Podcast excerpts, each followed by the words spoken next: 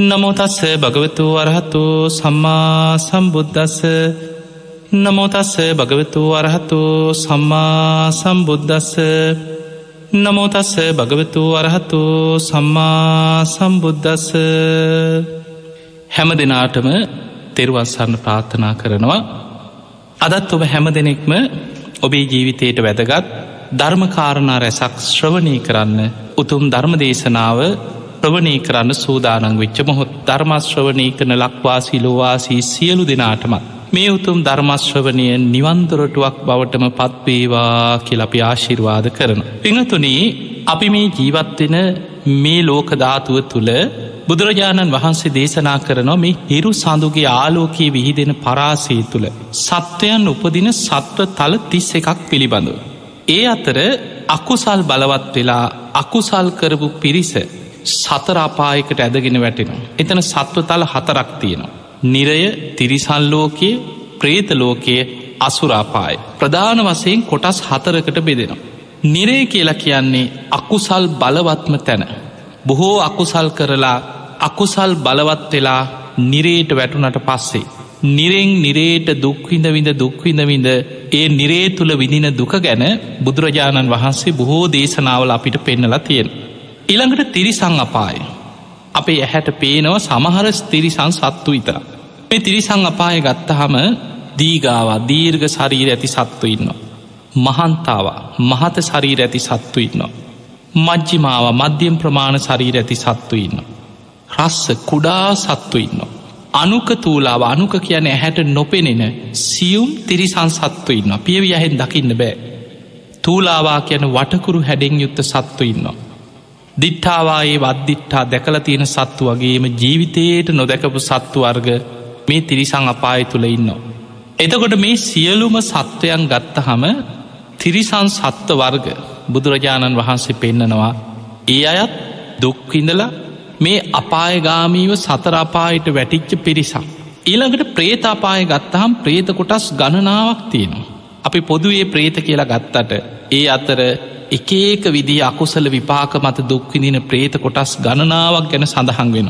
ඉළඟට තවත් සතරාපායට අයිති කොටසක් තමයි අසුර. මේ අසුර කියන කොටස මහා සාගරය ඇසුරු කරගෙන ජීවත්වෙන දුක්විදින අමනුස්ස කොටසක්. එයයි අපාය අසුරයෝ. එතකොට මෙන්න මේ කොටස් හතර. අකුසල විපාක බලවත් වෙලා දුක්විදින මේ ලෝක ධාතුයි.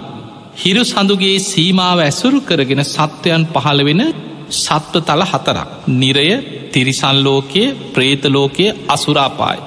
ඉළඟට එක මනුස්සලෝකයක් තියෙනවා හිරු සඳුගේ සීමාව තුළ අපි මේ ජීවත්වෙන මනුස්සලෝක. දිවියලෝක හයක් තියෙනවා. චාතු මහාරාජික තාවතින්සේ යාමය තුසිතය නිම්මාන රතිය පරණිම්මිත වසවර්ති හැටියට සදවුලුවක් ගැන දේශනාවල විස්තර වෙනවා. තම තමන් රැස්කරගත්ත පිනේ විපාක මත ඒ සැප සම්පත් විඳින දෙවිවරු ගැන ඒ ඒ දිවිය තලයන් ගැන දේශනාවල බොහෝ විස්තර සඳහන් වෙනවා. ඊළඟට රූපී බ්‍රහ්මලෝක දාසයක් පළවෙනි දෙවනි තුන්වෙනි හතරවෙනි කියෙන රූප දිහාන වඩලා බ්‍රහ්මලෝකල උපදින බ්‍රහ්මතල දාසයක් තියෙන. අරූපී බ්‍රහ්මතල හතරක් තියෙනවා. ආකාසානංචායතන විඤ්ඥානංචායතන ආකින්චඥායතන නේව සංඥා නාසංඥායතන කියන අරූපී බ්‍රහ්මතල හතරක් මේ විශ්වය තුළ ඒ ඒ ධ්‍යානවලට අනු උපදින බ්‍රහ්මතල හතරක් තියෙන. එතකොට ඔන්න ඔය සත්වලෝක සියල්ල තිස් එකක් හැටියට දේශනාවල සඳහන් වෙනවා.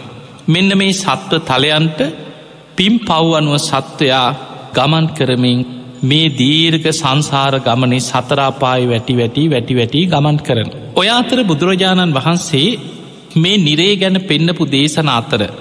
දේවදූත සූත්‍රයේ කියලා කියන්නේ අපායගෙන සඳහන් වෙන බොහෝ දීර්ඝ විස්තර ඇතුළත් දේශනාව. ඔබ දන්නවා මිහිදු මහරහතන් වහන්සේ පොසොන් පුන් පොහෝ දවසක එදා මේ ලංකාභූමියයට වැඩම කරලා අපේ රටේ බුද්ධ ශාසනය ස්ථාපිත කරන්න කටයුතු කර. එනිසයි අපි මිහිදු මහරහතන් වහන්සේව අනුබුදු මිහිදු මහරහතන් වහන්සේ කියල හඳුන්නන් උන්වහන්සේ අපිට තවත් බුදු කෙනෙක් වගේ අනුබුදු කෙනෙක් වගේ. අපේ රටට ගෞතම බුදුරජාණන් වහන්සේගේ උතුම් ධර්මය ශාසනික දහයාදය අපිට ලැබුණේ මිහිදු මහරහතන් වහන්සේ නිසා. උන්වහන්සේ ධර්ම දේශනා කරද්දී බොහෝම බුද්ධිමත් ක්‍රමාණුකූල ක්‍රමවේදයක් භාවිතා කර. තැන් ඔබ හිතන්න මිහිදු මහරහතන් වහන්සේ මේ ගමකට වැඩම කරලා. ගම ඉන්න උපාසකම්මලා මේ සීයලා එකතු කරගෙන සාමාන්‍ය මිනිස්සු අහිංසක මිනිස්සු එකතු කරගෙන කෙරෝලක ඉඳං ගමක බණ කියන්න පටන්ගත්තනං මේ ධර්ම ප්‍රචාරය මේ තරං ලංකාව තුළ ධර්මය බබලවන්න ලැබෙන්නේ සමට උන්වහසිට නොයි කරදර පීඩා හිරි හැර ඒ ගමන එක බනෙන් දෙකෙන් අතර වෙන්නම තිබුණා. හැබැයි මිහිදු මහරහතන් වහන්සේ රටකට ධර්මප්‍රචාරය පිණිස එනකොට උන්වහන්සේ බොහොම ක්‍රමාණුකූල සැලසුම් සහගත ක්‍රමවේදයක් භාවිතා කර. ධර්මාසෝක රජ්ජුරුව රටවල් ගණනාවකට පිරිස පිටත් කරා. හැබැයි මිහිදු මහරහතන් වහන්සේ අවුරුදු කීපයක් ගමන ප්‍රමාද කරලා සුදුසු කාලේ එනකම් බලාගෙන හිටිය. ඒකට හේතුව රටක ධර්මය ව්‍යාප්ත කරන්න හරි. හොඳ බුද්ධිමත් තිසරණය ගැන පිහිටලා කටයුතු කරන රිජු පාලනයක් ඇති හොඳ රජෙක්කින්නට ඕට. හැබැයි මුලදි හිටියේ මුට සීව කියලා රජකෙනෙ පණ නැති රජකෙනෙ. එවැනි රජවරුන්ගේ කාලවල ධර්මයක් බලවත් කරන්න බෑ. රිජු තීරණයක් ගන්න බෑ. මේ මුටසීව රජ්ජුරු බොහොම වයෝවරුදයි. එච්චර රිජු ප්‍රතිපක්තියක් තිබ්බ කෙනෙක් නෙමෙයි අන්තිම කාලි.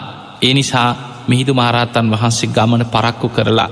ඒ කාලයේ තුළ උන්වහන්සේ ඔය සාංචය ඇසුරු කරගෙන බොහෝ කල් වැඩ හිටිය ලංකාවට වැඩම කරන්න පෙර මිහිදු මහරහතන් වහන්සේ මේ සිංහල භාසාාව ගැන මේ ලංකාවට ඇවිල්ල උන්වහන්සේ පාලීමනමේ බණකි උන්වහන්සේ සිංහලෙක් මේ ලංකාවේ භාසාාව හෙළ භාසාාව හදාරලා උන්වහන්සේ ලංකාවට වැඩම කරලා සිංහලින් ධර්මය අර්ථ විස්තර කරමින් දහම් දෙසවා. එකට අපි කෙන සීහල අට්ට කතාව කියල්. මිහිදු මහරහතන් වහන්සේ බුද්ධ දේශනා සිංහලෙන් විස්තර කරමින් අර්ථ විස්තර කරමින් කරපු දේශන. පාලියෙන් බුද්ධ දේශනාව පැවිදි වෙච්චායට ත්‍රිපිටකේ කටපාඩන් කරලා කියල දුන්න. සිංහලෙන් දහම් දෙෙස් මීදු මහරහතන් වහන්සේ පළවෙනියටම ඉලක්ක කරේ රටේ රජ්ජුරු. එදා දේවානම් පෙතිස් රජ්ජුරු ඇතුළු විසිදාහක් රාජකිය පිරිස ඉලක්ක කරලා තමයි පළවෙනියටම මිස්සක පව්වෙදී උන්වහන්සේ චුල්ල හත්ති පදෝපම සූත්‍රයෙන් දහම් දෙසලා රජ්ජුරුව ඇතුළු පිරිස තිසරණයට යොමු කරගත් බලන්න උන්වහන්සේගේ ක්‍රමවේදේ. පළවෙනියට ඉලක්ක කර රජ්ජුරුව ඇතුළු විසිදාහක් අමාත්‍යවරු රාජකය පිරිස. එදා රාත්‍රී මිහිදු මහරහතන් වහන්සේගේ දෙවනි ඉලක්කෙ වුණේ මේ රටේ කාලයක් අදහමින් ජීවත්වෙච්ච මේ අමනුස්ස බලවේ යක්කු යක්ෂණයව අදහලා තියෙන. නොයෙක් අමනුස්්‍යයන්ට බිලි පූජාතියමින් යකුන්ට දේවාල හදමින් ගස්කල් අදහමින් කාලයක් ජීවත් වෙනකොට ඒ අමනුස්්‍ය වුනත් බලවත්වෙනවා. ඔවුන්ගේ පුද පූජා පිළිගන්න. ඒ අයගෙන් කරදර බාධායන්න පුළුවන් ඊළඟ. ඒ නිසායිදා රාත්‍රී සුමන සාමනේරයන් වහන්සේ ලවා මේ ලංකා භූමිය පුරාම ඉන්න යක්ෂයන්ට අමනුස්්‍යයන්ට දෙවිදේවතාවරුන්ට ආරාධනා කරලා සමචිත්ත පරියායි සූත්‍රයෙන් ඒ අයට දහම් දෙසුව පොසොන් දවසිරාත් ඒ අයත් පැහැදෙව්ව. දෙවනි දවස මාලිකාවට දානයට වැඩම කරලා අනුලා බිසෝ ප්‍රධාන පන්සීයක් බිසෝරු තාම මේ රාජකය පිරිස තමයි ඉලක්ක කරලා තියෙන්. ඒ අයට දහම් දෙසවා පේතවත්තු විමානවත්තු ඇසුරේ. අන්න බලන්න එතනදී. මේ දෙකම පියවිය හැට ගෝචර වෙන දෙයක් නෙමේ පේතවත්තු කියන්න අකුසල් කල්ල ප්‍රේත ලෝක උපදින ප්‍රේතයන්ගේ ජීවිත කතා මේ ප්‍රේතයන් දකින්න නම් දිවැස් නුවනක් තියෙන්න්නට ඕන්. විමානවත්තු කියන්නේ පින්දහම් කරලා දිවිය ලෝක උපදින දෙවිවරුන්ගේ ජීවිත කතා දෙවියන් දකින්නේ දිවැස් නුවනක් තියෙන කෙනෙ. හැබැයි මිහිදු මහරහතන් වහන්සේට පුළුවන් වුණා එදා අනුලා බිසෝ ප්‍රධාන පන්සීයක් විසෝරු රාජකය පිරිස රජමාලිකාව හිටපු පිරිස ඒ සියලු දෙනාට මේ අපාය බය ඇති කරවන් ඒත් අපාය ගැන දිවිය ලෝක ගැන මේ නොපෙනෙන දේවල් ගැන උන්වහන්සේ විශ්වාසය ඇතිවන විදිහට පේතවත්තු විමානවත්තු ඇසුරෙන් දහම් දෙසලා සච්ච සංයුක්තය දේශනා කර. අන්න එතනදි පන්සීයක් දෙනා මාර්ගපල් ලැබුව කියල සඳහන් වෙන අනුලාබිසෝ ප්‍රධාන පිරිස. දැන් ඔය දේශනාව කළ අවසන් වෙනකොට විශාල පිරිසක් මාලිකාව ඉදිරී ඇකෝ ගහනව මිනිස්සු ගෝසා කරන අනේ අපිටත් බණහන්න ඕන. අපිත් ආසයි බණහන්. අපිටත් අවස්ථාව දෙෙන් රජ්ජුරුවෝ ඉක්මනට තමන්ගේ ඇත්ගාල ඇත්තු ටික ඉවත් කරලා ජෝතිය වනේ මණ්ඩපයක් හදලා මිහිදු මහරහතන් වහන්සේ ඇතුළ මේ රහතන් වහන්සේලා පිරිස දහවල් දානින් පස්සේ මණ්ඩපේට ගෞරවෙන් වැඩැම්මුව. වඩම්මලා නගරවාසීන් එතන්ට රැස් කරලා රජ්ජුරුවම ආරාධනයක් කරා ස්වාමීණී මේ මගේ රටවැසිය. මේ උතුම් ධර්මය මගේ රටවැසියන්ටත් දේශනා කරන සේක්වා කියලා අන්න රජ්ජුරුවම ආරාධනා කරා රටේ මිනිස්සුන්ට බණ කියත්. මෙහිදු මහරහතන් වහන්සේට සාමාන්‍ය මනුස්්‍යයන්ට දහම් දෙසන්න ලැබිච් අවස්ථාව. උන්වහන්සේ මේ රටේ සාමාන්‍ය මිනිස්සු ඉලක්ක කරලා කරපු පලවෙනිම දේශනාව තමයි දේවදූත සූත්‍රය. දේවදූත සූත්‍රයේ තනිකරම සඳහන් වෙන්නේ අපායිස භාවේ නිරය ගැන. දැන් කෙනෙකුට හිතෙන්ට පුළුව දැන් අද ඉන්න අයි අපාය කොහිද තියෙන්නේ. කවුද දැක් කොහොමද ඔප්පු කරන්න පුළුවන් මොන විද්‍යාඥාද හොයාගත් හැබැයි එදා මෙහිදු මහරහත්තන් වහන්සේ ඇවිල්ලා. මේ ලංකාවේ මනුස්්‍යයන්ට ඉස්සරලාම නිරය ගැන අපාය ගැන මේ දේශනාව කරත් ඒ දේශනාවෙන් බණහල ජෝතිය වනේ අපාය බය ඇතිවෙච්ච පිරිස එතනින් චතුරාරි සත්‍ය දේශනාවට යොමු එද්දී පන්සීයක් දෙනා ජෝතිය වනේ මාර්ගපල් ලැබුව කියල සඳහන් වෙනවා. එතකොට අපිට පේනව මිහිදු මහරහතන් වහන්සේට පුළුවන් වුණා දේවදූත සූට දේශනාව ඇසුරෙන් දහම් දිසලා මේ ලංකාව ඉස්සල්ලාම සාමාන්‍ය මනුස්සයන් අතරින් පන්සීයක් දෙනා මාර්ගපල් ලබන මට්ටමට මේ දේශනාව දේශනා කරන්න උන්වහන්සේට හැකියාව ලැබුණ. එනිසා මේ දේවදූත සූට්‍ර ගැන අදාපි අපිට තේරෙන හැටියට තේරුම් ගන්න පුළුවන් හැටියට මේ අපහහි ස්භාවේ ගැන තේරුම් ගන්න උත්සාහයක් ගමු. ඔය අතර තව බොහොම ලස්සන සිදුවීමක් තියෙනවා ඔබ දන්නවා මුගලම් මහරහතන් වහන්සේ. උන්වහන්සේ ඉරදිමතුන් අතර අග්‍රම කෙනා. ඔබ දන්නවා දඹදිව තියෙනවා තපෝදා නදිය කියලා උනුදිය දහරක් පොළොවෙන් උඩට මතුවෙන ගංගාව. මේ ගංගාව හිමාල කඳුමුදුනේ පටන්ගන්න බව තමයි දේශනාවල තියෙන්. හිමාල කඳුමුදුනේ සීතල ජලේතියන විලකින් පටන්ගන්න ගංගාවේ වතුර හොයාගන්න බැරි විදිහට පොළොව ඇතුළට උල්පත ගිලා බහි ගඟ ටික දුරක් ඇවිල අතුරු දහන් වෙන. හැබැයි රජගහනුවර ගල් පර්වත කීපයක් අතරින් විශාල ජල පහරක් උඩට මතු වෙනවා කැකෑරිමින් යන උනුදිය දුන්දාන ගිනි රශ්නයක් ඇති ජලපාරක් තමයි පොළොවෙන් උඩට මතුවෙන්. මෙන්න මෙතන ගැන දවසක් කතාවක් ඇති වුණා භික්‍ෂූන් වහන්සේලා අතර. මොකද ඔයි තපෝදා නදිය අසල උනුදිය එන නිසා ස්වභාවික ඒ කාලි බිම්බිසා රජ්ජුරුව ආරාමයක් කරවල තිබ්බ ගිලම් භික්‍ෂූන් වහන්සේලා වෙනුවේ.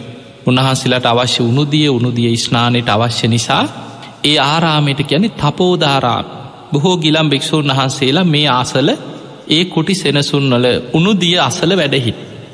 දවසක් මෙතනදි කතාවක් ඇති වෙලා භික්‍ෂූන් වහන්සේලා පිරිසක් කතා වුණා මේ උල්පත නම් බොහෝම ගින්දර වගේ රශ්න තියෙන තැනකින් මේක උල්පත පටන්ගන්න. බලන්න මේ පොළොවෙන් උඩට මතුවෙන මේ ජල පහර දුන් දාගෙන ගිනි රශ්නකින් එන්නේ. පුදුම තැනක් කියල දැන් කට්ටිය කතාවෙන්. ඔතන හිටිය මුගලම් මහරහතන් වහන්සේ. උන්වහන්සේ කියනවා නෑ නෑ ආශ්මතුනි ඔය උල්පත බොහෝම සීතල ජලයේ තියෙන සිසිල් විලක්කොය. උල්පත ඔය මෙතන රශ්නය වුනාට උල්පත සීතලයි කියෝ. හැබැයි එතන හිටිය බොහෝ පෘතජ්ජන භික්‍ෂූන් වහන්සේලා මුගලං හාමුදුරන්ග මේ කතාවට පිළිගන්න කැමතිවුන්නෑ සමහරු බනින්නගත් මිච්චර ඇස් දෙකට පේනවා පොළොවෙන් දුන්දාගෙන උඩට මතුවෙනවා මේ උල්පත මේ බුදුරජාණන් වහන්සේගේ අග්‍රශ්ාවකය හැටියට ඉන්න කෙනා නේද මේ මොගල්ලානයන් වහන්සේ නේද මේ බොරුවක් කියන්නේ. සීතල ජලයේ තියෙන සීතල විලකින් මේක මතුවෙන්න කියලා මෙච්චර උුණු රශ්මියක් පොළොවෙන් මතු වෙනකොට කියල දැන් ඔන්න මුගලං හාමුදුරන්ගේ අදහසට විරුද්ධව දැන් කට්ටිය දොස් කියන්නගත්. ඒ විතරක් නෙමෙයි බුදුරජාණන් වහන්සේ ළඟටත් ගිය. ගිහිලකිව ස්වාමිණී භාකතුන් වහන්ස මේ මොගල්ලානයන් වහන්සේ දැන දැන මුසාාවක් ප්‍රකාශ කරා කිය බොරු කිව්ව කිව. අර තපෝදා නදී උල්පත බොහොම සිහිතලයි බොහෝම සිසිල් තැනක් කියලා මෙච්චර ගිනි රශ්නයක් උඩට එන මේ වතුර පාර ගැන බොරුවක් කීව කියෝ. බුදුරජාණන් වහන්සේ වදාළ කෝ මහනිනි මොග්ගල්ලානට එන්න කියන්න. මේ පිරිස අතරින් බුදුරජාණන් වහන්සේ මේක නිවරදි භාවේ බුදුරජාණන් වහන්සේ අර පිරිස අතරීම දේශනා කරනවා මහනෙන මොග්ගල්ලාන බොරුවක් නෙමේ කිවයි කියලා තියෙන්. මේ තපෝදා නදියේ කැකෑරිමින් උඩට මතුවෙන මේ ජල පහර පටන්ගන්නේ හිමාල කඳුමුදුනෙ පිහිටි සීතල ජලේතියන විලකින් කියව. මේ හිමාල කඳුමුදුනෙ පිහිටි සීතල ජලේතියන මේ විලෙම් පටන්ගන්න මේ ජල පහර ටික දුරක් ඇවිල්ල පොළොව ඇතුළෙන් ගිහිල්ලා මහා නිරේවල් දෙකක් හරහයනෝකව මේ ජල පහර. එතකොට අපිට පේනවා පොළොව ඇතුළට ගිලා බහින ජල පහර මහා නිරේවල් දෙකක් හරහා ගමන් කරනවා. මහා නිරේවල් දෙකක් හරහා යන්න ජල පහර ආයමත් පොළොවෙන් උඩට මතුවෙන්නේ රජගහනුවර හරියද. ඒ රජගහනුවර ගල් තලාවේ අතරින් උඩට මතුවෙනකොට අර නිරේවල් දෙකක් කරහා යමින් කැකෑරෙබින් ආපු මේ රස්නේ උනුදිය උල්පතක් හැටියට පොළුවෙන් උඩට මතුවෙනවා. කියල බුදුරජාණන් වහන්සේයි දේශනා මේක විනේ පිටක සඳහන් වෙන සිදුවී. එදකොට අපිට පේනවා මේ පොළොව ඇතුලේ මේ අපාය නිරේ කෙනෙක් අහනබල කොහිද තියෙන් තොට බුදුරජාණන් වහන්සේ දේශනා කරනවා මේ ජල පහර ගැන වනත් මහා නිරේවල් දෙකක් හරහ පොළොව ඇතුළෙන් ගිහිලා උඩට මතුවෙන්. ඔබ බලන්න ඔබ සාමාන්‍යින් දැනුමෙන් ඔබයි විද්‍යාව ඉගෙන ගන්නකොට ඔබ ඉගෙනගෙන ඇති මේ පෘතුවී හරස් කඩක්. මේ පෘථවී හරස්කඩක් ගත්තහම් මේ උඩ තියෙන පස්තට්ටු පාශාන තට්ටු පහලට ගිහින් ජල තට්ටු හොමොහොම යනකොට පොළොව ඇතුළෙම තියෙන්නේ ලෝදිය. ඒවා තමයි ගිනි කඳු හැටියට යම් යම් තැංවලින් පුපුරල උඩට මතුවෙන් ගිනි කඳු. එදකොට මේ වගේ මේ පොළොව ඇතුළේ යොදුම් ගානක් පොළොව ඇතුළට යනකොට මේ ලෝදිය මේ අපායවල් පොළොවෙ දකින්න ලැබෙන. ඔබ දන්න සුප්‍රබුද්ධ රජ්ජුරු අපායට ඇදිලා කියා හැබැයි පොලෝ පලාගෙන විශාල ගිනිජාලාවක් එක පොළො ඇතුළට තම ඇදිලකි අහසට නෙමේ. දේවදත්ත හාමුදුරු පොලෝ පලාගෙන අපායට ගියා කියන. ඒ අපායට ගියත් පොළොව ඇතුළට තමයි විශාල ගිනිජාලාවක් එක පොළොව ඇතුළට ඒ රැස්කරගත් අකුසලයක්ත් එක් ඇදිලකි. එතකොට අපිට පේනවා මේ වගේ අකුසල් කරගත්ත අපායට ඇදිච්චාය ගැන සඳහන් වෙන දේශනාවල පොලෝ පලාගෙන පොළොව ඇතුළට ඇදිලගිය. එතකොට මේ මහා පෘතුවිය අපි ජීවත්වෙන පෘතුවි පුෂ්ටය ඇතුළේ මේ වගේ මහා ගිනි රශ්මිය තියෙන කර්මාන් රූපීව එතන පහළ වෙලා ඇදිලගිහිල්ල දුක්විදින මේ අමනුස්ස කොටස් ගැන තමයි මේ දේශනාව සඳහන් වෙන්නේ. දේවදූත සූට් මේ දේවදූත සූත්‍රයේ බුදුරජාණන් වහන්සේ ආරම්භේදී බොහොම ලස්සන්ට උන්වහන්සේගේ දිවැස් නුවන ගැන බුදුරජාණන් වහන්සේ දේශනාවක් කරනවා. බුදුරජාණන් වහන්සේ මේ දේශනාව කරන්නේ සැවැත්නුවර අනාත පින්ඩික සිටතුමාගේ ජේත වන ආරාමි වැඩයින් නැද්දී එදා භික්‍ෂූන් වහන්සේලාට බුදුරජාණන් වහන්සේ වදාළ මහනෙන ඇස් ඇති පුරුසේ නගරයක් මැද්ද ඉඳං නගර එහා මෙහා යන මනුස්්‍යයෝ දිහා හොඳට බලාගෙන ඉන්න. එහෙමයි බුදුරජාණන් වහස දේශනා පටන්ගත්. මහනෙනි හොඳට ඇස්පේන ඇස් ඇති පුරුසෙක් නගරයක් මැද ඉඳං කන්දක් උඩ ඉදං මේ නගරෙ දිහා බලාගෙන ඉන්නකොට මේ නගරේ ඔබමොබ යන එහා මෙහා ගමන් කරන මිනිස්සු දකිනවා. ඒ අතර සමහරු පාර ඇවිදගෙන යනවා ඔන්න නගරක ගෙදරකට යනවා ඒ ගෙදරින් එලියට එනවා එහා පැත්ති තියෙන කඩේකට යනවා ආයෙලියට එනවා මේ වගේ ඔබ හිතන්න ඔබ පාරකට වෙලා පාරය හා මෙහා යන මිනිස්සු දිහා බලඟන්නවා කියලා මිනිස්සු බඩු ගන්න යනවා බඩු වරං එලියට එනවා මගදි හම්බෙනවා කතා කරනවා ආයි කඩ ඇතුළට යනවා ගෙවල් ඇතුළට යනවා.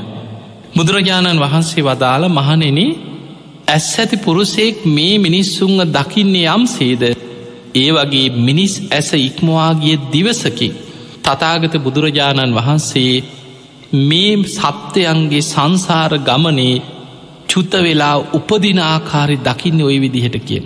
සමහරු මනුස්ස ජීවිත ගත කරලා මරණින් මත්තේ ප්‍රේතාපායට ඇදිලා යනවා.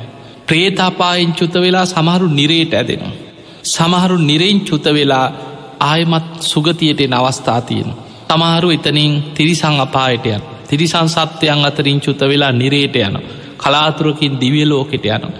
ඒ විදිහට එකිනෙක සත්‍යයන් ඒ ඒ සත්වලෝකවලින් චුතවෙමි සසර ගමන් කරන ආකාරී මිනිස් ඇස ඉක්මවාගේ දිවසකින් තතාගතයන් වහන්සේ දකින්නේ හරියට නගරක එහා මෙහා යන මනුස්්‍යයන් ඇස් ඇති පුරුසයෙක් දකිනවා වගේ කියෙන්.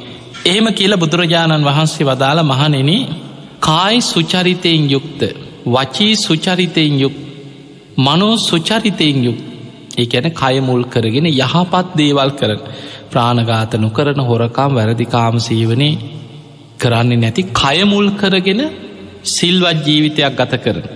වචනින් බොරු කේලම් පරුස වචන හිස් වචන නැතුව වචනින් යහපත් සුභාසිත මෛත්‍රී සහකත යහපත් වචන කතා කරන.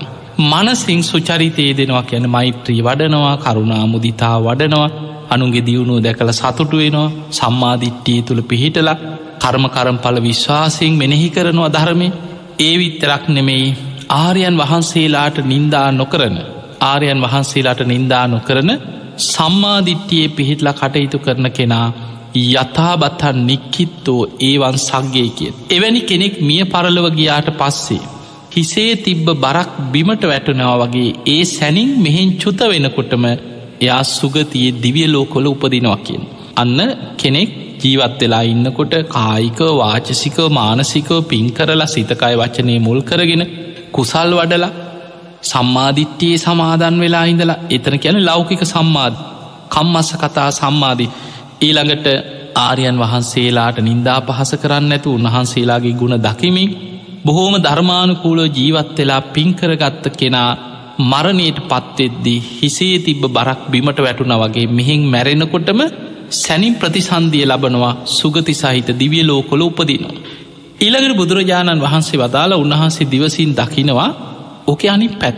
බොහෝ සත්‍යයන් කායිකව දුෂ්චරිතය දෙනවා. වාචසික දුෂ්චරිතය දෙනවා. මනසින් දුසිරිතේ දෙනවා. කායිකව දුසිරිතේ දෙනවා කෙන්නේ කයමුල් කරගෙන පුළුවන් තරම් ප්‍රාණගාතාදී අකුසල් කර. අනුන් ලව්ව කරවනවා මරපම් මරපා මරපං ඕුව කරට පවුනෑ කියල මිනිස්සුන්ග ප්‍රාණගාතයට පොළඹෝනු වැරැද්ද යොදෝනු. ඊළඟට තමනුත් හොරකං කරනු අනිත් අයව ඕජ තියෙන තැනින් ගත්තට ප්‍රශ්නයක් නෑ ඌ පවුන මෙම්බල හොරකං කරපල් අච්චර හොරකං කරනු අපි ගත්ත හම්මකද. ඒ විදිහට මිනිස්සුන් හොරකමට පොළඹෝනයින්නවා. වැරදි කාමසීවනයට මිනිස්සු යොමු කරනවා යොදෝනො. ඒ විදිහට මනුස්්‍යයන් තුළ කායිකව දුසිරිතේ තමනුත් යෙදමින් අනුම් යොදෝනො. ඊළඟට වචනින් දුසිරිතේ දෙන බොරු කේලම් පරුස වචන හිස් වචන කට ඇරියොත් අකුසලයක් මයි. ඊළඟට මනසින් හැම වෙලායි මනුන්ට ඉරිසියා කරනවා දවේශ කරනවා අනුන් නැසේවා කිය කිය අනුන්ගේ විනාසීම පතමි මනසින් අකුසල් කර කර ජීවත්තෙන. එවිතරක් නෙමෙයි සිල්වතුන්ට ගුණවතුන්ට ගරහන ආරයන් වහන්සේලාට නින්දා පහස කරන. මේ විදිහට මිත්‍යා දෘෂ්ටික කර්ම සමාදන් වෙච්ච කෙනෙක් මරණින් මත්තේ බුදු හාන්දුර පෙන්නනවා යථාබතන් නික්කිත්තෝ ඒවන් නිරේ. හරියට ඔළුවෙතියාගෙන ගිය බරක් බිමට වැටුන වගේ මෙහෙන් චුත වෙනකොටම සැනින් අපායි පහළ වෙනවා නිරි සතෙක් වෙලා අපායට පහළ වෙනවා. මෙන්න මෙතන ඉදං බුදුරජාණන් වහන්සේ මේ අපාය ගැන බොහෝම ලස්සන විග්‍රහයක් හැබැයි අපිට නොපෙනෙන විග්‍රහයක් බුදු ඇසින් බලල බුදුරජාණන් වහන්සේ දේශනා කරනවා. හැබැයි මේ දේශනාව තියෙන වැදගත්ම දේ තමයි දේශනාවත් තුළ බුදුරජාණන් වහන්සේ නැවත නැවතත් අවධාරණය කළ අපිට පෙන්නනවා තංකෝ පනහම් භික්කවේ ඥාඥස්ස සමනස්සවා බ්‍රාහ්මනස්සවා සුත්තා වදාමි. අපිච යදයව මේ සාමඥ්ඥාතන් සාමන් දිට්ටිං සාමං විදිතන් තමේවාහං වදාමි. මහනිනි තතාගතයන් වහන්සේ මේ දේශනාව කරන්නේ කිසිම ශ්‍රමණයක්ගෙන්වත් බ්‍රාහ්මණයක්ගෙන්වත් දෙවියෙක්ගෙන්වත් කාගෙන්වත් අහලා කියන දෙයක් නෙමෙයි කිය. සාමඥ්ඥාතන් තමන් වහන්සේ අවබෝධයෙන් ප්‍රත්‍යක්ෂ කර ළමයි මේ දේ කියන්න. සාමන් දිට්ටිං තතාගතයන් වහන්සේ දැකළමයි මේ දේ කියන්න. සාමං විදිතන් තමන් වහන්සේ ප්‍රත්‍යක්ෂේමයි මේ දේ කියන්න කියලා බුදුරජාණන් වහන්සේ මේ දේශනාවේදී භික්‍ෂූන් වහන්සේලාට මතු කරලා පෙන්න්නන. ඒකට හේතුව මේ අපාය ගැන අපිට පියවියහෙන් දකින්න බැරි නිසා. කෙනෙකුට මේ දේශනා වහගෙන යනකොට හිතෙන්න පුළුවන් ඔහොමත් තියෙනවද. කොහොමද ඒක පිළිගන්නේ. කවුද හරියට මේක දැක් අන්නේ වගේ පෘතජ්ජන මට්ටම ඉන්න කෙනාට තුනුරුවන් ගැන සැකේ තියෙනවා. සෝතා පන්න වෙච්ච කෙනා විතරයි බුද්ධය අවිච්චා ප්‍රසාද බුදුරජාණන් වහන්සේ ගැන අච්චල සද්ධාවෙන් ඒදේ ඒ විදිහට පිළිගන්න. දම්මේ අවිච්චා ප්‍රසාද ධර්මය යමක් ඇද්ද ඒදේ ඒ විදිහටම අදහගන්නේ සෝතා පන්න වෙච්ච කෙනා පමණයි. සංගේ අවිච්චා ප්‍රසාධ ආර්ය ශ්‍රාවකයන් ගැන අච්චල සද්ධාව ආර්යකාන්ත සීලේ කියන මේ සෝතාපත්ති අංග හතරි පිහිටපු කෙනා සක්කාය දිට්ටි විචිකි චන්න සැකේ තුනුරුවන් ගැන බුද්ධාදී අටතැන් ගැන තියෙන සැකේ දුරුවෙන්නේ සුවාන් විච්ච කෙනාට. එතනින් මෙහා පෘතජ්ජන මට්ටමේ ඉන්න කෙනා හැම වෙලාවෙම චර බණැහුවත් හිත ඇතුළෙන් හරි සැක කරනවා. ඕ කොහොම්ම වෙන්න පුළුවන්ද. ඕක ඉතින් හරියටම හොම්මද අන්නේ වගේ හිතෙන්න පුළුවන්. එනිසයි බුදුරජාණන් වහන්සේ මතු කරලා පෙන්වේ මහනෙන මේ දේශනාවනන් තතාගතයන් වහන්සේ කරන්නේ කාගෙන්වත් අහගත්ත දෙයක් නෙමේ. දෙවි එක්කත් බ්‍රහ්මය එක්කත් කවුරුත් තතාගතයන් වහන්සේට කියපු කතාවකුත් නෙමේ. තමන් වහන්සේ විසින්ම අවබෝධ කරගෙන අවබෝධයෙන් දැකළ ප්‍රත්‍යක්ෂ කරගෙනමයි මේක කියන්න. ඔන්න බුදුරජාණන් වහන්සේ වදාළ මහනෙන අකුසල් කරලා අපාහිට ඇදිලගියාට පස්සේ. ඔහු ඉස්සරලාම යන්නේ අපායි දුරටුව ළඟට කියෙන්. මේ අපායි ඉන්නවා යම රජ්ජුරු යම රජ්ජුරුව කැන අපායේ සාධහරණ විනිශ්්‍යයක් ලබා දෙන පායි ප්‍රබලම පාලකය හැටියට ධර්මී විස්තරවෙන් හැම තැනම පාලකව ඉන්නවනේ ඒ වගේ අපායට ගියත් එතන ප්‍රධානයෙක් පාලකේ කර්මාන් රූපීව එතන ඉන්නවා. ඒ කෙනාට ධර්මී කැන යම රජ්ජුරු. මේ යම රජ්ජුරුවන්ගේ කාරය තමයි අපායට ඇදිලා එන කෙනාව සාධහරණ විනිශ්යක් ලබා දෙනවා. ඔහු බේරන්න පුළුවන්නම් ඔහු එතනින් බේරල යවනවා. එතරදී එක පාරක් දෙපාරත් තුම් පාරක් නෙමේ ඇම මනුස්ස ලෝක නම් මිනිස්සු කියනවන එක පාරයි දෙපාරයි තුම් පාරයි ආයෝන්නෑ කියනවන. හැබැයි අපාහිට ගියාට පස්සේ පස්සැරයක් මතක් කරනවා. එක පාරත් දෙ පාරක් නෙමෙයි. යම රජ්ජුරු පස්සැරයක් මතක් කරනවා එම්බා පුරුසේ නුබ මේ අපායට ආවි නුබේ අම්ම කරපු කර්මගේ වන්න නෙමේ නුබේ තාත්ත කරපු අකුසල්ගි වන්නාවන් නෙමේ නුබේ නෑදෑයෙක් ඥාතියෙක් හිතවතෙක් කරපු කර්මගි වන්නාවන් නෙවෙයි නුඹ විසින්ම කරගත්ත මේ මේ අකුසල් නිසයි අපායට ආවෙ කියලා පස්සැරයක් මතක් කර. ඔන්න යමරජ්ජුරු ඉස්සල්ලාම අපායට ඇදිලාවට පස්සේ ඕගෙන් අහනවා එම්බා පුරුසේ. නුඹ මේ මේ වගේ අකුසල් කරලා තියෙන නුඹ මනුස්සලෝකෙති පළවෙනි දේවදූතියාවත් දැක්කද? කියලා හනේ දැක්කි නැතියි කියන. එතකොට යම රජ්ජුරු මතක් කරලා දෙනවා පළවෙනි දේවදූතිය කියලා එතන විස්තර කරන්නේ එම්බා පුරුසේ නුම දැකල නැද්ද? එදාම ඉපදිච්ච පුංචි දරුවෝ එක තැන මළමුට්ට කරගෙන උඩු බැලි අතට වැතිරිලා අඩන කෑගහන පුංචි දරුව දැකල නැද ඒ අයිනම් දැක්ක කියන ඕන තර එතකොට යම රජ්ජුරු වහනවා එතකොටවත් නුබට හිතුන් නැද්ද? මමත් ඉපදෙන කෙනෙක් මමත් ඉපදීපදි යන කෙනෙක්. ඒ නිසාවත් මේ වගේ පව්කං කරන්න හොඳ නෑ කියලා හිතුන් නැද්ද? හනේ මට තේරුම් ගන්න බැරි වුනා කිය. යම රජ්ජුරුව එතකොට තමන්කරපු අකුසල් ටික පළවෙනි පාරට මතක් කරලා දෙනවා. තමන්ටම සිහි කරලා යම රජ්ජුරු වහනවා එම්බා පුරුසය නුඹ මේ අපායට ඇදිලාවේ නුබේ අම්ම කරපු කර්මගෙ වන්න නෙමෙයි. නුබේ තාත්ත කරපු අකුසල්ගි වන්නාවත් නෙමෙයි. නුබේ නෑදෑයෙක් ඥාතියෙක් හිතවතෙක් යාළුවෙක් කවුරුත් කරපු කර්මයක් ගෙවන්න නුභාවන් නෙමෙයි. නුඹ විසින්ම කරගත්ත මේ මේ මේ මේ වගේ අකුසල් නිසයි අපායටාව කියලා පලවෙනි වතාවේ තමන් කරපු අකුසලේ මතක් කරලා දෙනවා යම රජ්ජුරු. ඊළඟට යමරජ්ජුරු හනෝ එම්බා පුරුසය නුඹ මේ මේ වගේ අකුසල් කරගනිද්දී දෙවනි දේවදූතයවත් දැක්කෙ නැත මනුස්ස ලෝකෙද? අනේ දැක්කෙ නැතේකින් එතකොට යමරජ්ජුරු අහනවා ඇ නුඹ දැකල නැද්ද? වයසට ගිය මිනිස්සු අවුරුදු අසූ අනුව සීය වෙලා බොහෝම දුරුවල වෙලා එක් තැන් වෙලා එක තැන මළමුට්ට කරගෙන කෙස්්ටික පැහිලා හම රැඩි වැටලා කුදු ගැහිලා බොහෝම වයෝවෘද්ධව දුක්විදින මිනිස්සුනුම දැකල නැද්ද. අනේ ඒවයි නං ඕන තරන් දැක්කයි කියන. එතකොටවත් නුඹට හිතුන් නැද්ද මමත් වයසට යන කෙනෙක්. මමත් ජරාවට පත්වෙන කෙනෙක්. මටත් මේ වගේම කුණු වෙලා යන වයසට යන ශරීරයක් තියෙන්. ඒ නිසාවත් මේ වගේ පව්කං කරන්න හොඳ නෑ කියල නුබ හිතුවේ නැද. අනේ මට තේරුම් ගන්න බැරි වුණා කියනවා. එතකොට යමරජ්ජුරු දෙවනි පාරත් මතක් කරලා දෙනවා එම්බා පුරුසය නුඹ මේ අපායිට ඇදිලාවේ නුබේ අම්ම කරපු කර්මගෙ වන්නාවන් නෙමේ. නුබේ තාත්තකරපු අකුසලයක් නිසාවන් නෙමේ. නොබේ ඥාතියෙක් යාළුවෙක් හිතවතෙක් කරපු කර්ම ගෙවන්නාවන් නෙමේ. නුඹ විසින්ම කරගත්ත මේ මේ මේ මේ වගේ අකුසල් නිසා අපායට ආව කියලා ඔන්න දෙවනි පාරත් තමන්කරපු අකුසලේ ආයමත් යමරජ්ජුරු තමන්ටම සිහිපත් කරල දෙනවා. එහෙම කියලා ආය යහනෝ එම්බා පුරුසය නුබ තුන්ගනි දේවදූතියාවත් දැක්කෙ නැද්ද මනුස්ස ලෝකෙදී. හනේ දැක්කෙ නැතේ කිය. එතකොට අහනවා ඈ නුබ දැකල නැද්ද මනුස්ස ලෝකේ ලෙඩ වෙච්ච මිනිස්සු සමහරු ඉන්න ඇස් ලෙඩ හැදිල ඇස් කුණු වෙලා කන්ලෙඩ හැදෙනවා මූුණ පිළිකා හැදෙනවා අත පයකුණු වෙනවා. එක තැන මළමුට්ට කරගෙන දුක්විදින මැරෙන්න්න පනාදින නොඒක් ලෙඩරෝග හැදිල දුක්විදින මිනිස්සු දැක්කෙ නැද්දහනු ඒ අයනං ඕන තරන් දැක්කයි කියන. එදකොට යම රජ්ජුරු වහනවා එම්බා පුරුසය එතකොටවත් නොඹට හිතුන් නැද්ද? මමත් ලෙඩවෙන කෙනෙක්. මමත් ලෙඩවෙන ශරීරයක් ඇති කෙනෙ මේ වගේ පව්කං කරන්න හොඳ නෑ මේ වගේ අකුසල් කරන්න හොඳ නෑ කියල හිතුවේ නැත් හනේ මට ඒක තේරුම් ගන්න බැරි වුණා කියෙන් එතකොට යම රජ්ජුරු තුන්වෙනි පාරත් මතක් කළ දෙනවා එම්බා පුරුසය නුඹ මේ අපායට ඇදිලාවේ නුඹේ අම්ම කරපු කර්මගේ වන්න නෙමේකින් නුඹේ තාත්ත කරපු අකුසල් නිසා මෙහි ආවන් නෙමේ කිය නුබේ යාළුවෙක් නෑදෑයෙක් දරුවෙක් සහෝදරෙක් කවුරුවත් කරපු කර්ම ගෙවන්න නුභාවන් නෙමේ.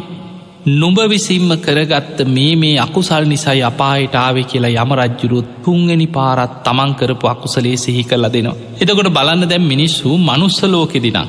කාගෙහරි ඇගේ ගහන්න එතනත් උත්සාහ කරනවන්. බලන්න ඔය උසාවී බණපොති අත තියල බොරුවට දිවරණ මිනිස්සු නැද. ස්වාමීනි මන් නිවරදිකාරය කියල බණපොති අත තිීලත් දිවරණ. එතකොට අපිට පේනවා මේ මනුස්සලෝක ස්වභාවය වැරදි කරලා මන්නෙමේ මෙන්න මුන් තමයි මේ ඔක්කොම කරි මං අහිංසකය මම්ම කූත් දන්නෑ කියලා දහතේ දිවරණවන් අනුංග පාවල දෙන්න උත්සාහ කරන.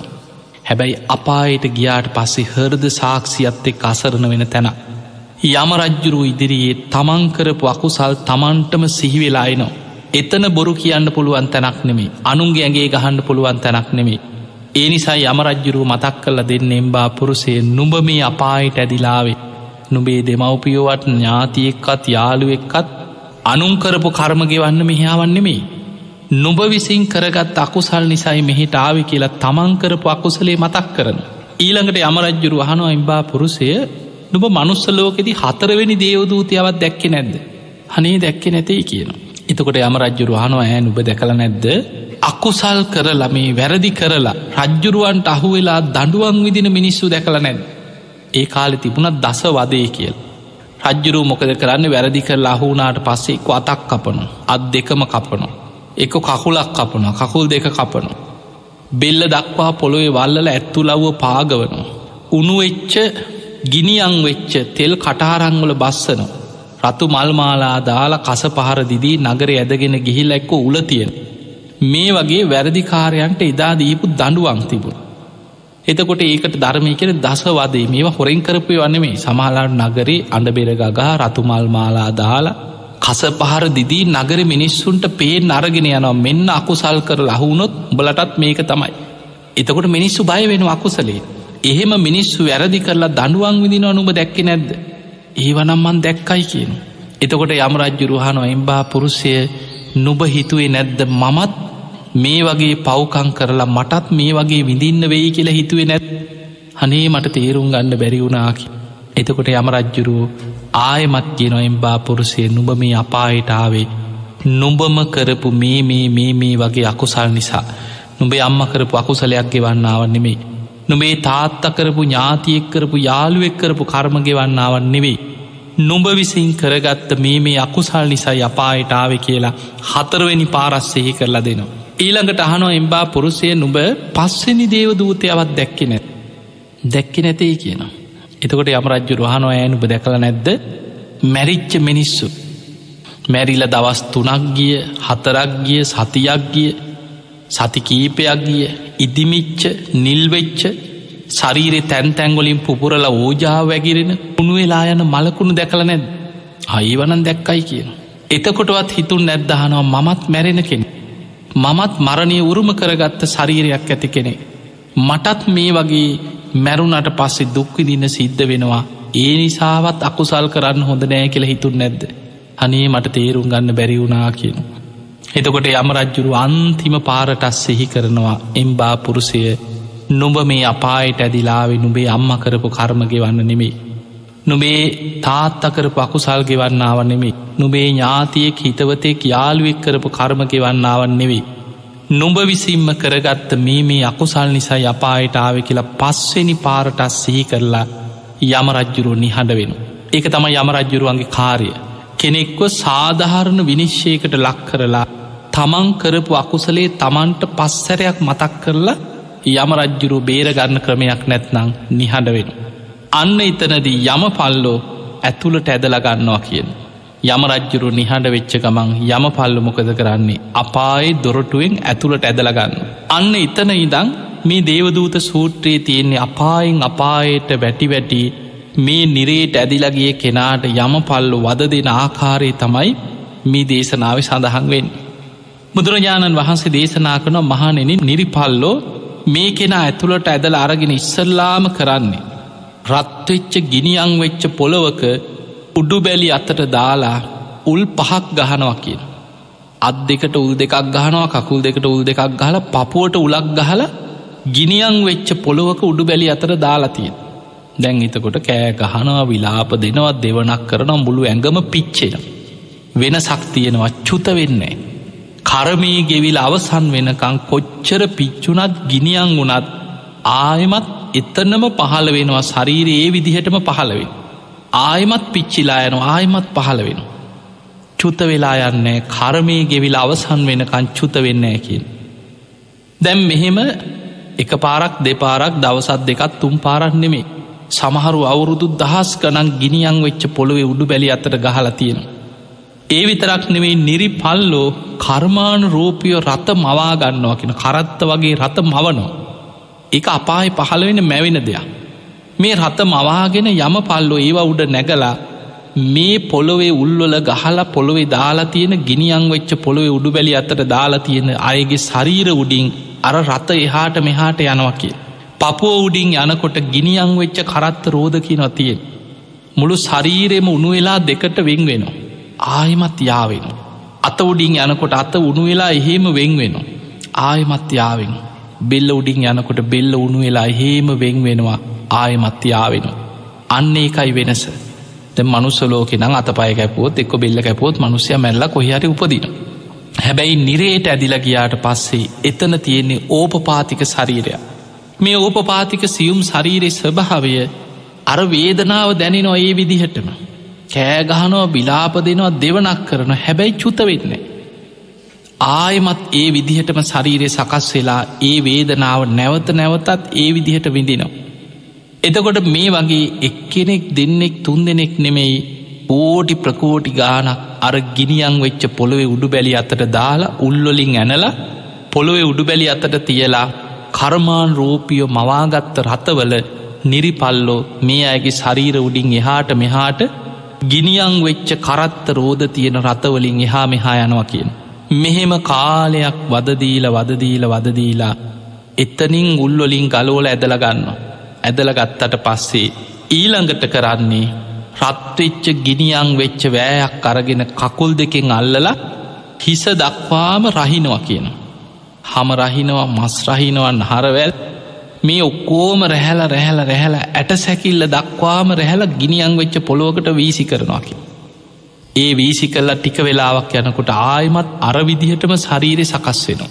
දැන් ඔබ හිතන්න කෙනෙක්ව පණපිටින් හම ගලෝනකොට මේ ශරීරෙ මස් ගලෝනකොට වෑයකින් ශරීරය රහිනකොට යම් වේදනාවක් දැනෙයිද ඒ විදිහම වේදනාවක් අර නිරි සත්‍යයටත් දැනෙනවා. එකම දෙයයි කෑගහනවා විලාපදිනවා මිසක් ඔහුට බේරෙන් අතක් නෑ. යම පල් ඔහු අල්ලගෙන කකුල් දෙකින් අල්ලගෙන හිස දක්වාම එක පැත්තකට රහිනවා. එහෙම රැහැල රැහැල වීසි කරනකොට ආයමත් ශරීරයේ ඒ විදිහටම සකස් වෙනවා. එතකොට මොකද කරන්නේ ආයමත් අල්ල ලරගෙන දැන් අනි පැත්තට අල්ලගන්න. හිසෙන් අල්ලගෙන කකුල් දෙක දක්වාම වෑයකින් අනි පැත්තට රහිනවා කිය. මෙහෙම රැහැල රැහැල ආයමත් ඇට සැකිල්ලටම රහිනවා කිය. එහෙම රැහැල වීසි කරනකොට ආයම ශරීරය අරවිදිහටම සකස් වෙන. හැබැයි චුත වෙලා යන්නේ නෑ අන්නේ එකයි වෙනස. දැම් බලන්න මේ වගේ අපාහිට වැටුනට පස්සේ එක්කෙනෙක් දෙන්නෙක් තුන් දෙනෙක් නෙමෙයි. කෝටි ප්‍රකෝටි ගානක් නිරේ තුළ මේ නිරි සත්‍යයන් මේ අපායින්න අයට යම පල් ඔය විදිහට වද දෙනවා කියන. වෑයවල් වලින් රැහැල රැහැල ඇට සැකිල්ල දක්වාම රහිනවා කියෙන්. ඔහොම කාලයක් ගතවෙලා යනකොට දැන් රැහැල රැහැලා ඊට පස්සෙ මොකද කරන්නේ ගිනි අලු තියෙන අංගුරු පරවතයක් තියෙනවාගෙන ගිනිගන්න අපි හිතම සාමාන්‍යෙන් ගිනිගන්න නිකං ගිනි කන්දක් වගේ තියෙන පරවතයක් ගැන ගිනිියං වෙච්ච පරවතයක් තියෙනවා මේ පරවතයේ දිගේ කස පහර දිදී රත්වෙච්ච යකඩ පතුරුවලින් කස පහර දිදී පර්වතයට නංගනවා කියන. ගහන් බේරෙන් අතක් නෑ අර පහර දෙනකොට කෑග ගහ පරවතේ දිගේ දුව නොවෙන කොහෙ දුවන්න. එතකොට මේ පරවතේ දිගේ දුවනවා කෑ ගහනවා විලාපතිදී දුවනවා. ඒම දුවගෙන දුවගෙන ගිහිලක් කොහෙට හරි කමන්නෑ පනිනවා. දැම් බලන්න මිනිස්සු ගොඩ නැගිලි ගිනිගන්නකොට ගොඩ නැගිල්ලෙන් පනිනෝ. ඇයිඒ ඕන දෙයක් වෙච්චදෙන් කියලා පනිනෝ සමහරු. ජීවිතයේ අවධානමත් එක්ක එක දුකක් විඳිනකොට ඊළඟ තැනට පනිනෝ. අන්න ඒ වගේ මේ පරවතීන්ට නැගල නැගලා උඩින් යමපල්ලො පන්න පන්න පහර දෙනකොට ගිනිියං වෙච්ච පරවතයට නැගල උඩින් පනිනකොට ඊළඟට වැටෙන්නේ ලෝකුම කියන නිරේට කියෙන්. මේ පරොත්තෙන් පල්ලට පැනටපු ගමන් වැටෙන්නේ ලෝකුම කියල තවත් අපායක. ලෝකුම නිරේ ගැන දේශනාව සඳහන් වෙන්නේ විශාල භාජනයක් වගේ කියනවා. නිකං කල් දේරමක් වගේ කියල නිකං හිතන් පුංචි එකක්නු යුදුම් ගානක් විශාල මේ භාජනයේ පෙන බුබුලු දානව වගේ ගිනියං වෙච්ච මේ ලෝදිය පිරිලා තියෙන්නේ කියනවා. මේ ලෝකුඹ කියන මේ නිරේට වැටෙනකොටම නිරි සත්‍යයන්ගේ ශරීර උුණු වෙලා පෙන ගුලියක් වගේ ශරීරයකට පත්වෙනවා කියන. අර ලෝදියට වැටෙනකොටම ශරීර හේම උුණු වෙලා පෙන ගුලියක් වගේ ශරීරයක් හැදෙන. දැන් තියෙන ශරීරෙ පෙන ගුලියක් වගේ. ඇස් දෙකක් තියෙනවා නාසයක් තියෙනවා කටක් තියෙනවා හැබැයි ශරීරෙ පෙන ගුලියක් වගේ උුණු වෙලා තියෙන්. මේ පෙන ගුලියක් වගේ ශරීරේ ටික ටික ටික ටිකර ලෝකුඹ නිරේ අඩියට යනකං යන්න අවුරුදු දහස් ගානක් යනවා කියෙන්. එහෙම ටික ටික ඇතුළට ගිහිල්ල ගිහිල්ල ගිහිල්ල ගිහිල්ල කාලයක් යනකොට ගිහිල්ල අඩිය වදිනවා කියනවා. අඩිය වැදිල ආයමත් ටික ටික ටික ටික උඩට ඇවිල්ල උඩට ඇවිල්ල උඩට මතුවෙන්න අවුරුදු දහස් ගානක් යනවා. ඒ කාලේ තුළ හෑගහනවා අඩනවා විලාප දෙනවා වේදනා විඳිනවා හැම මොහොත්තෙම දුක් වේදනා දැනෙනවා. හැබැයි බේරගන්න කෙනෙක් නෑ. චුත වෙන්නේ නෑ. එතනින් බැහැල වෙන දිහාකට යන්න බෑ චුතවෙන්න බෑ. මුළු ශරීරෙම උනුවවී උනුවවී වේදනාවින්දට චුත වෙලා යන්න ඇකිය. ඕක තමයි ලෝකුම නිරේස භාව. ඔය විදිහට සමහරු අවුරුදු දස දහස් ගනන් කල්ප ගන මේ ලෝකුම නිරේ උඩට පහලට යමින් පෙන ගුලියක් වගේ උනුවෙච්ච ශරීරයක් ඇතුව නිරි සත්‍යයෝ මේ අපායි දුක්විදිනවා කියනවා. ඔහොම කාලයක් ගතවෙලා යනකොට යම පල්ලො මොකද කරන්නේ? බිලී කොකු වගේ කොකු දාලා අර ඉන්න සත්වය අරගෙන කරකෝල වීසි කරනවා කියෙන මහානිරි. එතනින් විසිවෙලා වැටෙන්නේ මහානිරයට වැටෙන ඊළඟට. මහානිරේ තමයි ආනන්තරි අකුසල් කරගත් අයි කෙලින්ම වැටෙන අපාය තමයි මහානිරී. කල්පයක් මහානිරී කියල සඳහන් වෙනවා පංචානන්තරි අකුසලයක් කරපු කෙනෙ දැම් මේ ලෝකුම නිරෙන් ඇදල වීසි කරන නිරි සත්‍යය අර පෙනගුලියක් වගේ ශරීරයක් තියෙන කෙනා නිරි පල්ලො වීසි කරනකොට වැටෙන්නෙත් මේ මහානිරේටමයි. මහානිරේ ස්භාවය බුදුරජාණන් වහන්සේ පෙන්න්නනවා මහනෙන මේක කර්මාන්රූපිය මැවිල තියෙන්නේ යකඩ වගේ ගිනියං වෙච්ච බිත්ති ඇති මේ සම චතුරශ්ාකාර දිගට ඒ වගේම පලලින් යුක්ත හතර පැත්තේ දොරවල් හතරක් තියෙනවා කියන. එක දොරකින් විශාල ගිනි ජාලාවක් එනකොට අනිත් දොරේ ගිහිල්ල ගින්න වදිනවා කියන. අනි පැත්තේ දොර ඇරෙනකොට ඒ පැත්තෙන් ගිනි ජාලාවක් කෙන අනි පැත්තේ දොරේ වදිනවා කියෙන මේ විදියට තමයි කෙන මේක කර්මාන් රෝපිය මහා නිරේ මැවිලතිය. මෙන්න මේ අපා ඇතුළට තමයි නිරි සත්තු ටික වැටෙන් එක්කෙනෙ දෙන්නෙක් නෙමේ මේක දහස් ගානක් ඉන්නවා. හතර පැත්තෙම මුලින් ගිනි දැල්ලෙනොක්. ඒන ගිනි දැල්වලින් කෑ ගහනෝ විලාප දෙනවා පිච්චෙනවා. බුදුරජාණන් වහස දේශනා කරන මහනෙනේ සම්මස් නහර පිලිස්සිලා ඇට සැකිල්ල ගිනියන් වෙලා දුන්දාන මට්ටමටම රත්වෙලා යනවා. ආයමත් ඒ විදිහටම පහළ වෙනවාකිනු. ඒ ගින්න එක පැත්තකින් නිවිලා ඊළඟ පැත්තෙන් හටගන්න ටිකට ආයම ශරීර ඒ විදිහටම හැදෙනවා කිය. මෙහෙම ගිනියන් වෙලා අර වේදනා විඳවිඳ මේ මහානිරේ දැම් පැනගන්න අතක් නෑ. හතර පැත්තෙම බිත්ති හතරකින් කොටු වෙලා ගිනි දැල් මැද්ද පිච්චි පිච්චි කෑග ගහ විලාප දිදීන්නවා. ඔය අතරේ කාලයක් යනකොට එක පැත්තක දොරටුවක් විවෘත වෙනවා කියෙන්. ඈතින් පේනවා එක පැත්තක දොරටුවක් විවෘත වෙලා. අර රොත්තම එක පොදියට දුවගෙන යනවා කෑ ගහගෙන එතනින් පැනගන්න. එහෙම දොරටුවට ලංවෙනකොට ඒ පැත්තෙන් විශාල ගිනි ජාලාවක් එෙනවා කියෙන්. අර ගින්න කපාගෙන දුවනවා ගින්න පැත්තටම ඇයි එතනින් පැනගන්න. පිච්චුනත් කමක් නෑ කියලා ගින්නෙම්ම දුවගෙන ගිහිල පනින්න හිතාගෙන යනකොට අරගින්නට මුළු ශරීරේම සම්මස් නහර පිලිස්සිලා ඇට සැකිල්ලම ගිනිියං වෙලා දුන්දාන මට්ටමට මුළු ශරීරෙ පිච්චෙනවා කියෙන්. දොරටුව ළඟට ලංවෙනකොටම ඒ දොරටු වැහිලා යනවා. ආයමත් ශරීරය අරවිදිහට මායමත් පහළ වෙනවා. ටික වෙලාවකින් අනික් පැත්තෙ දොරටුවක් විවෘත වෙලා ඇතින් පේනවා. එතකොට මේ පොදියම අනි පැත්තට ආයි කෑ ගහගෙන අනික් පැත්තට දුවනවා ඒ පැත්තෙන් පැනග. ඒ පැත්තට දුවගෙන යනකොට මගක් යනකොට එහෙන්ගෙනවා විශාල් ගිනි ජාලා. ඒ ගින්න කපාගෙන දුවගෙන යනවා එතනින් පැනගන්න අතක් හොයාගෙන. මුළු ශරීරයේ මර වගේම ගින්නට සම්මස් නහර සියල්ල පිලිස්හිලා ඇට සැකිල්ලම ගිනිියන් වෙනවා කියෙනවා ළඟට එනකොට. හැබැයි දොරටු වැහෙනවා ළඟට එනකොට. ආයමස් හරීරේ විදිහටම පහළ වෙනවා. එතකොට බුදුරජාණන් වහන්සේ පෙන්න්නනම් මහනෙන මහා නිරේ තුළ බේරෙන් අතක් හොය හොය එහාට මෙහාට දුවමි. මුළු ශරීරෙම පිච්චි පිච්චි සමහරු අවුරුදු දස දහස් ගනං ලක්ස ගන. ආනන්තරි අකුසලයක් කරලා වැටුණොත් කල්පයක් ඔය නිරේ දුක්කෙනනවා. ඔය විදිහට විලාපදිදී එහාට මෙහාට දුවනවා කියන. ඔහොම කාලයක් යනකොට එක පැත්තක දොරටුවක් ඇරෙනවා එතනින් පැනගන්න පුළුවන් ක්‍රමේ ලැබෙනවා. අන්නේ දොරටුවෙන් දුවගෙන ගිහිල්ලා ඊළඟට පනිනවා එතනින් වැටෙන්නේ තවත් අපායකට. එතකොට හිතන්න මේ අපායෙන් අපායට වැටි වැටි දිකට දිකට කර්ම විපාකය අවසන් වෙනකං චුතවීමක් නෑකින්. බුදුරජාණන් වහන්සේ පෙන්න්න මේ මහා නිරෙන් ගින්න කපාගෙන ගිහිල්ල ඒ දොරටුවෙන් පැනගන්නකොට වැටෙන්නේ ගූත නිරේ කියල අපායකට කියන. මේ ගූත නිරේ ස්භාවි බුදුරජාණන් වහන්සේ පෙන මේකත් අර ලෝකුම නිරේ වගේ ගිනියන් වෙච්ච හැබැයි මේක තුළ පනුව පිරිලයින්නෙකින අසූචි වගේ තමයි කියෙන එකයි ගූත නිරේ කියල හඳුන්නන්න. විශාල දුර්ගන්ධයක් තියෙන අසූචි වලක් වගේ වලා ගිනි රශ්නයක් තියෙන. මේ වලේ ඉන්නවා කියනවා පනුවෝ ඉතාම තියුණු තුඩ ඇති ඉදිකටු තුඩවල් වගේ තියුණු තුඩ ඇති පනුව ඉන්නවා කියෙන්. මේකට වැටෙනකොටම අර පනුව මුළු ශරීරෙම වහගෙන හම විදගෙන මස් විදගෙන ගිහිල්ලා ඇට මිදුළුවලට තමයි කෙන පනුව විදින්.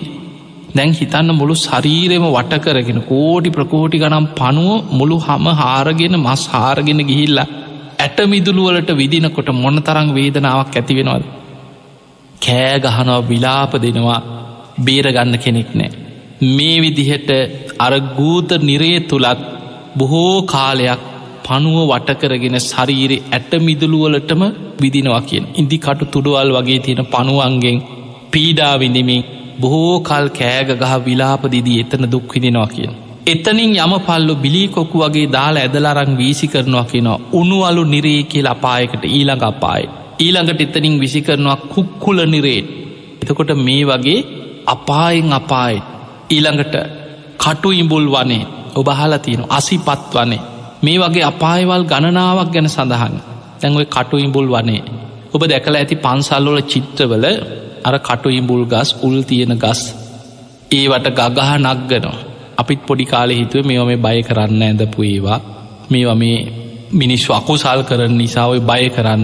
ඔහොම තමයි අපිටත් සමහරු කියලා දුන්න. හැබැයි බුද්ධ දේශනා කියෝනකොට මේ ත්‍රිපිටක අධ්‍යයනය කරගෙන යනකොට මේ දේවදූත සූට්‍ර වගේ දේශනාවල බුදුරජාණන් වහන්සේ මේවා දේශනා කරලා තියෙනවා. ඒ විතරක්න මේ බුදුරජාණන් වහන්සේ නැවත නැවතත් දේශනා කරනවා මහනෙන් මේ දේශනාව කරන්නේ සාමඥ්ඥාතන් අවබෝධයෙන් දැකළමයි සාමන්දිට්ටිං තතාගතයන් වහන්සේ ප්‍රත්‍යක්ෂ කරගෙනමයි. සාමං විදි තම මේ කාගෙන්වත් අහල කියන එකක් නෙමෙයි එතකොට අපිට පේනවා බුදු කෙනෙක් මේ විදිහට අවධාරණය කරමින් අපිට පෙන්නල දෙන්නේ. එවැනි අපායවල් කර්මාන් රූපියෝ සත්‍යයන් වෙනුවෙන් පහළ වෙනු. මේ කටුයිඹුල් වනේ තුළ මහා වනාන්ත්‍රයක් වගේ උල්තියෙන වනයක් කියන. අර යම පල්ලු ගග්ගහ මේ ගස්වල නක්ගනවා කිය. ඒ උල් ඇනෙනකොට පපුුවෙන් ඇනු නහම කොන්දෙ මතුවෙනවා. ආයමත් ගහනකොට ගලෝල අරගෙන ගහනවා කියන නගින්. මූුණේ ඇනු නහම ඔළුව හිල් කරගෙන ගිල් අනි පැත්තෙන් මතුවෙන්. අත පයි හිල් කරගෙන යනවා. ඒ වේදනා විඳවිඳ බේරෙන් අතක් නෑ මැරෙන්නේ ඒකයි වෙනස. වෙන කෙනෙක් නම් පිහියකින් හරි උලකින් හරියන්නොත් මැරෙනවා මනුස්සේක්න. හැබැයි ඕපපාතික සත්‍යයගේ ස්වභාවේ මැරෙන්නේ. කෑගගහ විලාපදිදී අර කටුයිඹුල් වනේ මේ ගස්වල නක්ගනවා කිනොක් ගගහ. එතනින් පැනල දුවන්නේ අසිපත් වනේ අසිපත් වනේ ස්වභාවේ තමයි කියනවා ඉතා තියුණු දෙපැත්ත කැපෙන කඩු වගේ කොල තියෙන වනාන්තරයක් මේ වනේ තුළ දුවගෙන යනකොට අර ගස්වල කොල වැටෙනවා කිය. ඒක මූනට වැටුනහම මූනම කැපිල දෙකට වෙන් වෙනවා කිය. ශරීරයට වැටුනහම අතට වැටනොත් අත කැපිලෑන් මුළු ශරීරෙම දෙකට කැපෙනකොට යම් වේදනාවක් ඇතිවෙනවාද. ඒ වගේම වේදනාවක් විඳිනවා ආයමත් ශරීර ඒ විදිහට පහළ වෙනවා කිය. මේ විදිහට අසිපත් වනෙන් දුවගෙන දුවගෙන ගිහිල්ලා ඊළඟට පනින්නේ වේතරණී කියෙන් අපායිත්. වේතරණී කියෙන අපාය ගැන සඳහන් වෙන්නේ ගිනියං වෙච්ච ලෝදිය තියෙන ලුණු වගේ ලවන සහිත ජලයක් කිනව ගලාගෙනයන් දැන් හිතන්න තුවාල වෙලා අතපය කැපිලා කඩු වගේ අසිපත් වනින් දුවගෙන ගිහිල්ලා ලුණු වතුර තියෙන අපායකට ගිනියන් වෙච්ච තැනකට වැටෙනකොට මොන තරං වේදනාවද්ද කියල බල ඒකෙ ගහගෙන යනවා. ඒකෙ ගහගෙන ගහගෙන යනකොට කෑගගහ විලාපදිදී වේතරණී අපාය ගහගෙන යනකොට යමපල්ලු තැන් තැන්වලින් ඇදල ගන්නවා කිය. ඇදල අරගෙන අහනවා උඹට මොනවා දෝන දෑ. හනේ මට පිපාසයි මට වතුර ටිකක් දෙන්න කියෙන්. ආයිදා උඹට කියලා කටට රත්වෙච්ච යකඩ උලක් ඇනල කට ඈත් කරලා ලෝදී හලනොකින කටට. උගුර බඩවැල් පිච්චිලා පසු පසින් ලෝදිය එලියට යනවා කිය. කෑ ගහනවා විලාප දෙනවා චුත වෙන්න. ඊළඟට අහනො තවමුණවා දුඹට ඕන. අනේ මට බඩකිනී මට කන්න දෙයක් දෙන්නකින්. ආයින්දා උඹට කියලා කටට උලක් ඇනලා අර වගේම ලෝදිය ගුලියක් උගුරෙන් දානවා කියන. උගුර බඩවැල් පිච්චීගෙන ගිහිල්ල පසු පසින් එලියට යනවා කින මේ ගිනි බෝලේ වගේ ලෝදිය ගුලිය. ඔය විදිහට වදදීල වදදීලා ආයමත් වීසි කරනවා කියනවා මහා නිරේත්. එදකොට ඔය දේවදූත සූත්‍රයේ සඳහන් වෙන කාරණක් ටිකක් තමයි ඔබට මේ විස්තර කරලා කියල දුන්නේ. ඔය වගේ අපායෙන් අපායට වැටි වැටි. මේ දේවදූත සූත්‍රයේ තුළ නිරි සත්‍යයෙක් විඳින දුක ගැන දීර්ග විස්තරයක් බුදුරජාණන් වහන්සේ දේශනා කරලා උන්වහන්සේ අවසානය ආයිමත් පෙන්න්නනවා මහනෙන. තංකෝ පණහම් භික්කවේ ඥාඥස සමනස්වා බ්‍රාහ්මණස්වා සුත්තා වදා මේ දේශනාව තතාගතයන් වහන්සේ කිසිම ශ්‍රමණයගෙන්වා බ්‍රාහ්මණයගෙන්වත් කාගෙන් අහලවත් කියපු දෙයක් නෙමේ. අපිචේ යදය මේ සාමඥ්ඥාත මහනෙනි තතාගතයන් වහන්සේ අවබෝධයෙන් දැකළමයි මේක දේශනා කරන්න. සාමන් දිට්ටි තතාගතයන් වහන්සේ අවබෝධයෙන් දැකළමයි සාමං විදිතම් ප්‍රත්‍යක්ෂ කරගෙනමයි. තමයි වාහං වදාම. තමන් වහන්සේ විසින්ම දැනගෙනමයි මේක දේශනා කරන්න. එහෙමනං අපිට අපේ පියවියහේ සීමාව ඉක්මවාගියත් බුදුරජාණන් වහන්සේ ගැන සද්ධාව ඇති කෙනා මේ දේශනාව ඒ අයිරීම පිළිගන්න සංසාර බය ඇති කරගන්න. අදාපිට මේ අහලා මෙහෙමත් ඒව තියෙනවද අපෝ කියලා හිතුනට ඔය අපායවල්ලොල අපි සතර අපාය මහගෙදර කරගෙන යන ගමන. කෙලෙස් සහිත කෙනාට සතරාපාය මහගෙදර වගේ කියන. එනි සාප්‍රමාදී වෙන්න අප්‍රමාදීව ධර්මාවබෝධයට වීරිය වඩන් තිං එහෙමනං ඔබ හැම දෙනාටම. එදා මිහිදු මහරහතන් වහන්සේත් ලංකාවට ඇවිල්ලා අපේ රටේ සාමාන්‍ය මනුස්්‍යයන්ට මුලින්ම කරපු දේශනය තමයි දේවදූත සූට්‍ර ජෝතිය වනේදී. එදා පන්සීයක් දෙනා එතන මාර්ග පල් ලැබුව. එහෙමනං අපාය බය ඇතිකරගන්න කෙනාමයි අප්‍රමාදීව සද්ධාදී ගුණ ධර්ම දියුණු කරගන්න. ඔබ හැම දෙනාටම සද්ධාදී ගුණ ධර්ම දියුණු කරගෙන උතුම් වූ ධර්මයම අවබෝධ කරගන්න වාසනාව ලැබේවා ලැබේවා ලැබේවා කියලපි ඔබට ආශිර්වාද කරනවා.